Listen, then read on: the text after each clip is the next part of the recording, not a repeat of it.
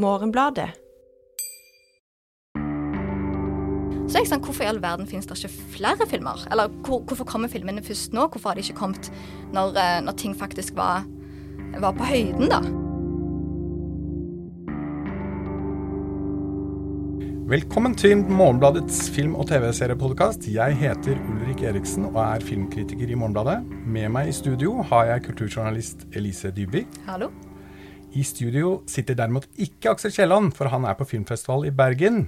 Men han har skrevet en artikkel om ukens eh, tema, nemlig Nordsjøen, som ligger på morgenbladet.no. Den fjerde norske katastrofefilmen på seks år har premiere denne uken. Etter publikumssuksessene Bølgen om en tsunami i Geirangerfjorden, Skjelvet om et jordskjelv i hovedstaden og Tunnelen om en tunnelbrann på Vestbanene, kommer nå Nordsjøen, en katastrofefilm fra oljeplattformer i nettopp Nordsjøen. I filmen møter vi kollegaene og vennene Sofia og Arthur, som jobber med en slags ålformet, avansert undervannsdrone for inspeksjoner av oljeinstallasjoner. De blir hentet ut i Nordsjøen for å lete etter mulige overlevende etter en katastrofal plattformulykke. Men det viser seg snart at denne første kantringen bare er et forvarsel om en potensiell dominoeffekt av havarier grunnet usikre bunnforhold. Våre helter må reise ut på et livsfarlig redningsoppdrag. Og Elise, du er jo fra oljebyen Stavanger. Hva Ja. syns du om denne oljeplattformfilmen?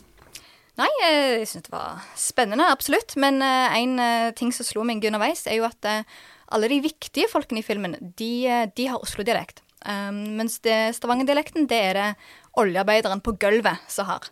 Og så tenkte jeg sånn Hm, prøver de å si at eh, det er den stakkars eh, Stavanger-personen som blir sendt ut og må liksom stå og slite på plattformene, mens makten og eh, pengene og bestemmelsene skjer i Oslo? Eller teori to, som jeg tror det er faktisk litt mer i, er at eh, de tør ikke å ta sjansen på at folk skjønner Stavanger-dialekten. Um, og det, jeg tenker at eh, her skal vi ha masse scener der folk er i rom og snakker, og hva skal vi gjøre, det har skjedd en ulykke. Og da tenker de at eh, ja, da, da prøver vi å unngå for mange med Stavanger-dialekt. Og det jeg så, har faktisk sett ofte anmeldelser sier at liksom, ja, men det er jo litt vanskelig å forstå Stavanger-dialekten. Litt teksting hadde, hadde gjort seg. Så jeg tror nok det er det meste, altså. Nettopp. Eh, ja, altså jeg ser jo f.eks. også at dette hovedkontoret til oljeselskapet i filmen, det er tatt opp i Oslo, ser jeg, eh, med masse snø i bakgrunnen bl.a. Groruddalen kan tydeligst skimtes fra økeren. Um, nå er jo uh, dette en del av en flere eh, som jeg nevnte i innledninga, flere uh, katastrofefilmer som har kommet de siste årene. Um, hva er det som gjør disse filmene så kommersielt salgbare? Det skal vi prøve å finne litt ut av. Hva tenker du, Elise? Ja, nei, jeg tenker jo eh, først og fremst at de er, det svære filmer. Masse effekter, skikkelig mye penger som har gått inn i å lage de. Og det er jo Aksel Kielland, han skriver jo litt om dette fenomenet i, eh, i sin spalte på nett. Uh, og, og er jo innom at det er en sånn idé om at hvordan skal vi få folk på kino, og ikke at de bare sitter hjemme og ser på Netflix? At vi må skru opp lyden, vi må skru opp eksplosjonene, og da er liksom katastrofefilmen gjerne liksom nummer én da, til å, til å få folk til å strømme inn i, i kinoen for å få det med seg. Um, dine tanker om det? Ja, jeg tenker bare at uh, vi er jo midt i en pandemi. Uh, og og uh, vel, i Norge føler vi kanskje at vi er på slutten av en pandemi, eller kanskje ferdig med den til og med. Men det er jo et eller annet med det der å se på ulykker som en kommersiell ting som kanskje føles litt vanskeligere nå enn det den var for noen år siden, eller før pandemien. Eh, fordi jeg tenker at noe av det kommersielt salgbare med sånne katastrofefilmer er jo nettopp at man føler seg såpass trygg i Norge at, eh, at vi på en måte, for å måte, oppleve ulykker, så må vi invitere det inn i kinosalen. Mens nå har vi på en måte levd i en situasjon som har vært kat katastrofal, i hvert fall på verdensbasis, og vi har følt at den har vært truende mot Norge også. Så jeg er litt spent på å se hvordan, om, om denne filmen på en måte kommer for tidlig. Eh, og, og om de på en måte undervurderer vår, eller overvurderer vår appetitt etter ulykker, da. Ja, for det tenker jeg for, mitt, for min egen del så har jeg jo levd et veldig trygt og kjedelig liv under pandemien. Jeg har jo bare vært hjemme. Eh, så da merker jeg jo at det å komme seg på kino og se at eh, folk eh, står mellom liv og død ute på en sånn jeg vet ikke, vann, vanngreie. Uh, det, det, har jo en appell, da. At det er litt for langt unna? Ja. At det er fremdeles litt eksotisk? Ja, jeg tror ja. det. Mm. Men hva mm. med Vestlandet der, da, som på en måte har mm. slektninger ute i Ja, nei, det, det er jo Og det slo meg litt, faktisk, når jeg så filmen, begynte å tenke litt på det. at i hvilken grad er det du kan liksom bo og leve i Stavanger, og hvor, hvor tett merker du den der oljetilstedeværelsen? Og sjøl så har jeg ikke veldig mye familie i oljebransjen, men du har jo alltid liksom ja, venner som har foreldre som har hatt disse eh, ja, ukesoppholdene på oljeplattformer osv. Og, så og særlig når, når, det var jo en oljekrise i 2015, og folk mista masse folk kjente mista jobbene sine. Og så har en jo eh, så jeg jobbet i lokalavis, og da var det ofte å dra ut på en oljemesse og snakke litt med folk og skrive om hvor flott det var. Sånn at ja, jeg tror nok at det er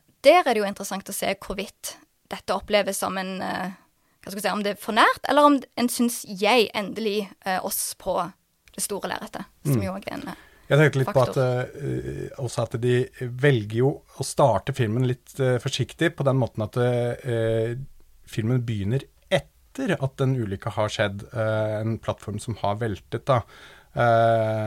Og, og, og, den ser vi ikke, den ulykken. Vi ser ikke at på en måte folk går til grunne eller ramler ut i vannet, og, og det, vi går glipp av den fråtsingen som det kunne potensielt ha vært. Potensielt ha vært. Jeg vet ikke om det er noe som alltid har vært i manuset, men om de har valgt å starte på en litt mer eh, mindre dramatisk måte sånn sett, da. Ja, Men det er liksom det at døden er litt mer på avstand, eller? Ja, at man på en måte får At Det på en måte er noe som har skjedd. Det er noe som vi bare hører om. Øh, og vi får ikke den derre øh, voldsomme, dramatiske effekten av å på en måte se folk bli drept, da, rett og slett. Mm. Som jo er en del av katastrofefilmen. Det er jo mm. grusomt å si det, men det, sånn er det jo. Mm. det er jo liksom En del av underholdningen ved katastrofefilmen er jo å se på folk dø. Uh, som jo er litt paradoksalt. Men det skal vi kanskje komme tilbake til også. Uh, fordi katastrofefilmen er jo en sjanger. Uh, og den har jo som de fleste sjangere et amerikansk opphav. og vi bør snakke litt om hva måte som kjennetegner egentlig katastrofefilmen, og hva som skiller den norske formen for kat katastrofefilmer fra det amerikanske. Kan vi si noe om det? Hva som er likt, og hva som er forskjellig? Ja, um, det er jo noe veldig Nå har jeg jo liksom uh, binsja bølgene 'Bølgen og skjelvet' i det siste, bare for å ha noe å, å, sammenligne med. Men det er jo helt klart at en tar, tar, I det norske så tar en jo veldig utgangspunkt i det litt små, lille hverdagslivet, da. Um, om det er i Geiranger, eller om det er på Sola, eller om det er uh, i Oslo. Um, sånn at en, en, plasserer det jo veldig tydelig i en sånn Uh, ja, realistisk norsk kontekst, og så bygger ulykken opp rundt det, da, uh, først og fremst. Men jeg vil jo si at den amerikanske katastrofefilmen er ikke noe veldig bevandra i, så, uh, så mm. hvis du kan ja, si litt om den? Ja, jeg kan gjerne si litt om den. For det, som, mm. det jeg i hvert fall kjenner igjen da, mm. i den norske katastrofefilmen, som jeg, som jeg tror de, eller som de henter rett ut fra Hollywood, det er f.eks. Altså, musikkbruken, som er veldig sånn ekstremt pompøs og helt til det parodiske. Det, de på en måte har ingen legger ingenting imellom der. Og så er det rollefigurer som ofrer eh, livet sitt eh, eh, for andre. Det er også en sånn, nærmest en sånn eh, Messias-greie. Eh, og så er det alltid en sånn tilsynelatende helt umulig situasjon hvor man føler at alt Nei, nå går absolutt alt til helvete. Og man vet at antageligvis, siden det er en katastrofefilm, så kommer noe til å gå til helvete, men liksom i hvilken grad kan man begrense denne katastrofen, i hvert fall litt, da, eh, mot alle odds. Og så er det jo også sånn som veldig vanlig er i katastrofefilmer, er at man har en sånn øverste ansvarlige. Eh, som, som, ikke forstår og ikke innser, men som på en måte Og møter på en måte denne helten som som enten må motarbeide eller undergrave, eller i hvert fall gå på siden av uh, den ansvarlige som uh, Ja. Så alle de elementene er der. Uh, det som kanskje mangler i det norske, og som jeg tenker, eller ikke mangler, men som er annerledes, tenker jeg at det, som du var inne på, altså det realistiske planet. fordi i norsk katastrofefilm så er det jo et, Man prøver å blande liksom sosial, sosialrealistiske dramaet med det der eskapistiske katastrofefilmen. Og, og, det er på en måte et forsøk på å gi filmen en slags seriøsitet eller en viktighet som på en måte gjør at man kanskje kan se filmen uten å føle seg så skitten. At man liksom Jo, men dette er jo litt viktig. Det kan jo, ha, kan jo skje ulykker i Nordsjøen. Det er greit å være på en måte ha diskutert det og, og behandle det på en eller annen sånn eh, litt respektfull måte. For det ligger også en slags sånn respekt i, i, den norske sjangeren. Eh, altså det er en liksom form for andektighet. at man, man, liksom, man, ikke, man, prøver ikke å fråtse for mye. Man liksom har en viss respekt i forhold til dødsfall og sånne ting. Um, Bare kjapt dette med liksom familie, for det mm. syns jeg er litt sånn interessant. Så er jo veldig tydelig i den norske filmen, og, og, og gir bare inntrykk av å være veldig amerikansk. da, At du har alltid denne i, i Nordsjøen så bryter du litt opp det med en litt sånn alternativ familiekonstellasjon. Men, men at det er alltid eh, barn involvert, f.eks., mm. og at veldig mye av liksom, spenningen bygges på um, Og nei, tenk hvis det skjer noe med denne personen, hva skjer da med liksom, de to yngste barna, f.eks., som er der? Og det, det slår meg òg som hvorfor må Går det an å lage en katastrofefilm der det er liksom en enslig hovedperson, der liksom det er bare den eldre moren på et sted som ville liksom brydd seg, da, hvis, uh, hvis det skulle gå galt?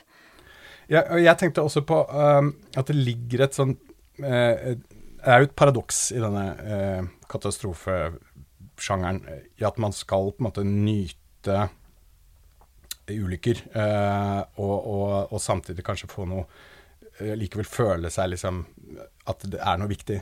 Og så tenkte jeg at kanskje det, har, at det er, passer egentlig veldig godt, for at disse filmene gjør det jo veldig bra på kino. De er, altså, let's face it, de blir jo laget fordi uh, de gjør det helt usedvanlig bra på kino. Det er det eneste som kan måtte måle seg heltehistorie fra andre verdenskrig. Uh, og Kanskje har det noe med uh, den, den, norske væremåten, eller den norske tilværelsen, som går ut på å på en måte kunne gape over nett, nettopp noen lignende paradokser, som går på at vi, vi er en del av en oljeprofit, vi er en oljeprofitterende nasjon, samtidig som vi forsøker å være en miljønasjon og en klima, eh, progressiv klimanasjon. Uh, som på en måte er et paradoks og er egentlig en umulig ting å gape over. Men, så vi er litt vant til å måte, forholde oss til sånne størrelser da, som på en måte går i hver, uh, hver, hver sine retninger. Og så lene seg tilbake i sofaen og kose oss over det. på en måte. Eller mm. leve fint med det. da. Ja, for det som du er inne på, så er det jo dette med føler jeg ligger veldig unna med denne katastrofefilmen, eller generelt, da, med, med at den og andre verdenskrig-filmer som jo er er det som trekker folk til kino. Og igjennom det er det der at vi, vi får til noe alle det Hollywood får til, og det skaper alltid en god, god følelse. Uh, og så lurer jeg på, tror du òg at Bare sånn kjapt innom det før en går inn på det oljeindustrien, men at vil en se flere katastrofefilmer som følger av liksom det miljøaspektet, da? At uh, orkaner vet ikke, oversvømmelser, om, om det òg er med å At dette kan bli mer og mer din virkelighet, og derfor så så ja, sånn sett så er det i hvert fall bra at vi kanskje har forlatt denne geologkarakteren som var i de to første, mm. eh, som på en måte gjorde at uh, vi på en måte ikke kunne forholde oss til eh, klimaendringene i like stor grad som på en måte forut fordi det var jo ikke hans fagfelt. Så kanskje neste katastrofen kunne bli en, en meteorolog da, eller en klimaforsker eller et eller annet sånt, men med litt sånn Day After Tomorrow-aktig um, versjon. Uh, men eh, ja, nei, det, det, det fins et politisk potensial i, i, denne type filmer som kanskje ikke helt blir utnyttet her. De forsøker. La oss snakke litt om det. Eh, for, for eksempel, dette er jo en beskrivelse av oljeindustrien. Så hvordan fremstår den i eh, Jeg syns det er veldig interessant hvordan de begynner filmen med noen sånne arkivklipp fra sikkert 70-tallet, der en begynner å bygge opp eh, olje, oljenasjonen Norge, og en får litt sånne sitater om det var så mye penger å tjene. Det var liksom Selvfølgelig eh, satser vi på dette når, når dette kom, og du òg har en eh, ja, eldre mannlig oljearbeider som snakker til kamera og forteller, forteller før, før, filmen går i gang, da. Som, så allerede da så setter den jo tonen for at her, her skal vi gå inn på vet ikke, nasjonen Norge, og hva det har betydd da, å, gi seg hen til, til oljepengene. Uh, og hva ja. leverer han på det videre, tenker du? Ja, altså Nei. Nei, fordi jeg ser jo en film altså Den er ikke sponset av Equinor, men det er ikke så langt unna heller. For har, det er noe leverandørindustri som er inni med noe penger og, og, og bidrar. Eh, og, og, så det er jo på en måte, Det er jo ikke noen reell skurk her, f.eks. Altså, eh, Saga Petroleum, da, som er stand-in for eh, Equinor, eh, gjenoppstår da etter 20 år, eller hva det er for noe, siden de forsvant. Eh, eh, de gjør egentlig aldri noe ordentlig kritikkverdig. ikke sant? Altså, De er jo et, et ekstremt kompetent selskap. Eh, de har en fantastisk HMS-avdeling eh, som sørger for at alt egentlig går akkurat som den skal. De har noen sånne øyeblikk der de på en måte står i noen moralske valg, eller, og politiske valg og økonomiske valg, hvor de på en måte må gjøre noen ja, voldsomme liksom, beslutninger. Men de faller jo alltid ned på det riktige valget til slutt, på et vis. Uh, og, og, det er ingenting som på en måte Du kan ikke gå det er ikke noe vits å sette ned en kommisjon for å på en måte gå dem etter i sømmene. Og, og, den vil i så fall ikke finne noe veldig kritikkverdig. Så sånn sett så, så ligger det jo ikke det er ikke en potensiell Eller det, det, den forsøker virkelig ikke å på en måte, ta noe oppgjør med oljeindustrien, eller, eller prøver å måte, bruke det til noe politisk eh, sånn sett. da. Nei, sant? Den, I begynnelsen så antyder den om at det kan komme noe. F.eks. når uh, hovedpersonen uh, Sofia, som er uh, spilt av Kristine Torp, og kollegaen Arthur, når de skal ut på denne første ulykken, så får de beskjed om at ja, dere må bare skrive under her. Det er en sånn vanlig taushetserklæring, f.eks. Og så når de har vært der, så finner de noen bilder som kan tyde på at oh, her er det litt større ting på gangen enn det som er mer blitt fortalt. Um, så, og så blir de f.eks. etter hvert nå påminner om at ja, nå husk når dere har signert denne taushetserklæringen, så ikke ikke, så spill med og finn dere i at uh, nå er det vi som bestemmer. Um, og der tenker en sånn OK, her, her, bygger de kanskje opp til noe. Og så forsvinner det helt, og så handler det jo bare om å gjøre de gode valgene. Og der føler jeg at alle lederne, eller alle Ja, du har en beredskapsleder, f.eks. At alle er jo øh, Om det er noe kritikkverdig, så er det jo mer det bare at vi mister hodet vårt litt i jakten på velstand. Og at øh, Ja, det er kanskje klimaendringer involvert, noe, sier noen på et tidspunkt, men, men, vi var kanskje bare litt ivrige og bora litt for mange hull. Og det er jo klart at det kanskje ikke var kjempesmart, men, men det er en sånn forståelse av at um, hvis det er noe kritikkverdig, så, så er det helt forståelig at Selvfølgelig ble vi veldig begeistra når vi fikk alle disse pengene mm. på et sølvfat. Og, og sånn, hvem, hvem ville ikke gjort det, liksom? ja. Jeg tenkte altså på at, uh, som jeg var inne på i sted Dette er jo den første av Dette er de samme produsentene som Bølgen og Skjelvet. de produserte ikke denne tunnelen. Men, men, i de to første filmene så var jo da, spilte jo Kristoffer Joner da en sånn geologkarakter. Og, og, denne gangen så er helten en, en, kvinne som vi snakker om, og som, som driver da en sånn eh, Kjører denne dronen. Hvordan påvirker det filmen?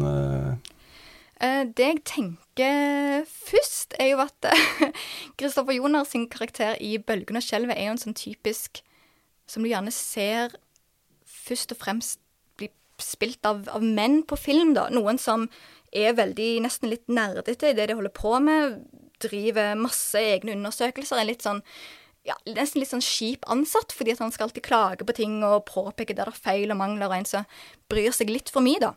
Eh, og går og er litt sånn ubarbert og går med plantegninger under korridoren. En du helst ikke vil spise lunsj med.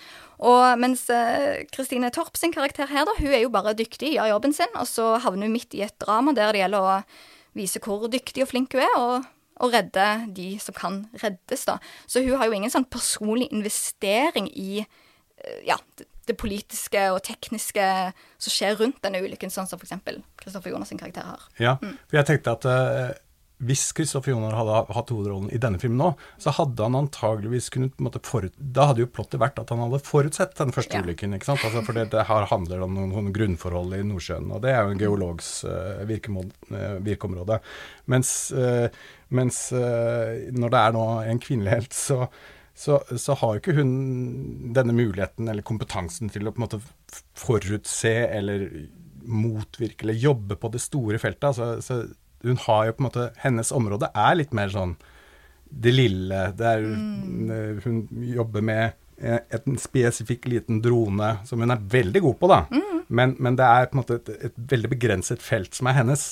Så, mens på en måte Kristoffer Jones' karakter var liksom den transcenderende mannens, uh, hvor han på en måte uh, hele, hele, verden, hele geologien, er hans virkeområde, og han har voldsomt med måte innvirkning og mulighet til å på måte påvirke, så er hennes mer immanent. og hun jobber med denne lille dronen. Mm. og, jeg får veldig kul og tøff, men hun har ingen sånne overordna interesse for det store bildet, da. Uh, mer annet enn å få de hun bryr seg om, i trygt i havn, da. Ja. Nå kommer det jo flere produksjoner om ulykker i Nordsjøen. Eh, på nyåret så sendes sesong to av Lykkeland på NRK, som åpner med Bravo-utblåsningen og slutter med Alexander Kielland-ulykken. Eh, og så kommer eh, i tillegg en TV-serie på TV 2 om Kielland-ulykken. Og så er det flere andre produksjoner som er i utvikling. Hva skal vi si om hva skyldes denne tematiseringen av oljeeventyrets liksom, marerittsider akkurat nå? Det, det, slo meg når jeg så denne, fordi at den er jo den er mye mer spennende, vil jeg påstå, enn liksom 'Bølgen og skjelvet. Og, og det er, er, noen veldig sånne thriller-elementer ved, ved, filmen. Så på en måte så tenker jeg sånn, og særlig når en begynner med sånn som i denne filmen, begynner å hentyde litt om eh, Her er det noen som vil legge lokk på noe og beskytte noe egeninteresser osv., men selvfølgelig, det, det, mister de jo litt. Så er jeg sånn, hvorfor i all verden finnes det ikke flere filmer? Eller hvor, hvorfor kommer filmene først nå? Hvorfor har de ikke kommet når, eh, når ting faktisk var, var, på høyden, da? Um, hva er ditt inntrykk av, av det? Ja, det er litt sånn at vi at, er, at vi, er, vi, er, jo overmodne for et mm. oppgjør. ikke sant? Er, hvis det Som du sier, det burde jo ha kommet mye før, men ok, det er enda godt at det kommer, og det kommer nå. For det, det, speiler jo på en måte denne økende tvilen som ligger i opinionen om hva er, hva er det vi Har vi har vi på en måte gått inn i en uh, kontrakt med djevelen? Er det, liksom, er det en Faust-pakt vi driver med her? Og de fleste, eller veldig mange, i hvert fall på Østlandet, vil kanskje hevde at ja, har, vi har faktisk inngått en pakt med djevelen.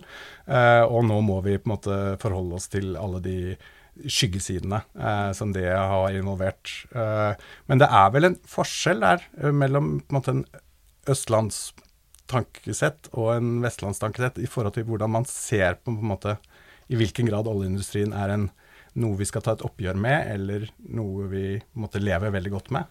Ja, det kommer veldig an på, da.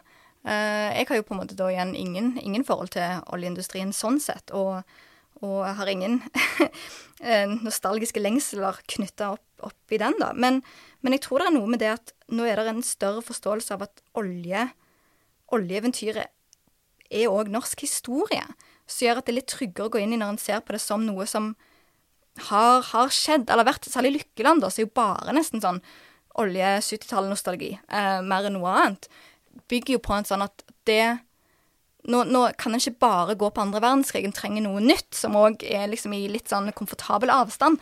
Og det blir særlig sånn, ja, særlig 70-tallet. Blir amerikanerne kom, eh, som en eh, liksom god nummer to, da, mm. eh, tenker jeg mer enn at du alltid nå kanskje nødvendigvis får de superkritiske, for det tror jeg kanskje vil ta enda litt mer tid før en får det. Det er en slags uh, slutt i det hele her, og uh, på slutten av filmen så antydes det da at uh, 10 000 milliarder på bok kanskje er nok, og at det er på tide å avslutte oljeeventyret at vi har glemt at vi er en havnasjon, eh, ikke en oljenasjon, eh, heter det bl.a. Og dette utsagnet har jo en sånn slags harmoni i seg. Det, er, det føles som no, nesten uunngåelig at dette kommer til å ta slutt, og at det er en kreativ destruksjon inne i bildet. Som Schumpeter eh, beskrev kapitalismens iboende, iboende utviklingsdynamikk. Og denne harmonien eh, gir jo filmen nesten en sånn eh, noe harmonisk over seg. Eh, men den klinger kanskje litt mer eh, harmonisk i noen deler av landet enn andre. Eh, er Nordsjøen egentlig en hyllest, eller er det en kritikk av norsk oljeproduksjon? Jeg tror han har gjerne lyst til å drive med litt kritikk. Eh, men når det kommer til stykket, så er han en eh, Hva skulle jeg si? Om ikke noe annet enn Nei, så, så, så havner vi litt på hyllestskjæret, vil jeg si, med at her har vi enorm ekspertise og enormt dyktige fagfolk som vet hva de holder på med. Og eh, ja, det er kjipt når ting går galt, men eh, vi klarer i hvert fall å fikse sånn noenlunde opp i det. Mm. Da tror jeg vi sier at det er eh, bra om Nordsjøen. Til slutt, Elise, har du noen anbefalinger av film eller TV fra siste uken? Ja. Noe litt sånn eh, rart jeg kom over um, denne helgen. Det er en um, Ja, jeg er veldig glad i screwball-komediesjangeren. Og som da var liksom denne komedien som hadde sjangeren som hadde sitt, uh, sin storhetstid på 30- og 40-tallet i USA. Og så har uh, den New Yorker-skribenten Rachel Syme hun har tenkt å starte opp noe som vil si at uh, folk blir gitt en tittel de skal gå og se, om det er His Girl Friday eller Bring Up Baby nå denne høsten. Og så skal vi prøve å arrangere noen sånne digitale treff med filmforskere eller andre ting som kommer inn og diskuterer disse filmene. Så jeg har i hvert fall meldt meg opp, og jeg tenkte jeg kunne bare retweete den linken hvis noen andre har lyst til å dykke ned i det fenomenet. Um, så tenkte jeg er jeg ferdig med digitale treff. Ja, men ikke når det gjelder screwball-komedie. Da kan jeg godt uh, henge litt på nettet litt til, tenkte jeg. Ja, uh, fint du nevnte New Yorker, for jeg vil uh, gjerne trekke frem West Andersons The French Dispatch, som hadde kinopremiere forrige, forrige uke. Fikk litt ufortjent kritiske anmeldelser, etter mitt syn, for det er, det er altså en estetisk nytelse av en film som nettopp feirer denne amerikanske magasinsjangeren som New Yorker er en del av. Og uh, det er sett gjennom da artiklene til uh, et, dette fiktive amerikanske magasinet uh, i en fiktiv fransk storby, av alle ting. Og den gir et sånt detaljert og eklektisk bilde på en tid som mellom ca. 1920 og 1970, der et sånt søkkrikt USA kunne beundre og feire europeisk kultur. Uh, og så har den i tillegg i denne filmen uh, den mest perfekte og presise refsen av uh, storbybilisme jeg har sett på film på lang tid. Så bare det i seg selv er uh, verdt en titt. Det var det vi hadde tid til i dag. vi er tilbake med en ny episode neste uke. Og i ukens avis så kan du lese mer om film og TV, og det kan du også gjøre på morgenbladet.no, der du i tillegg kan tegne abonnement på avisen. Tusen takk for oss.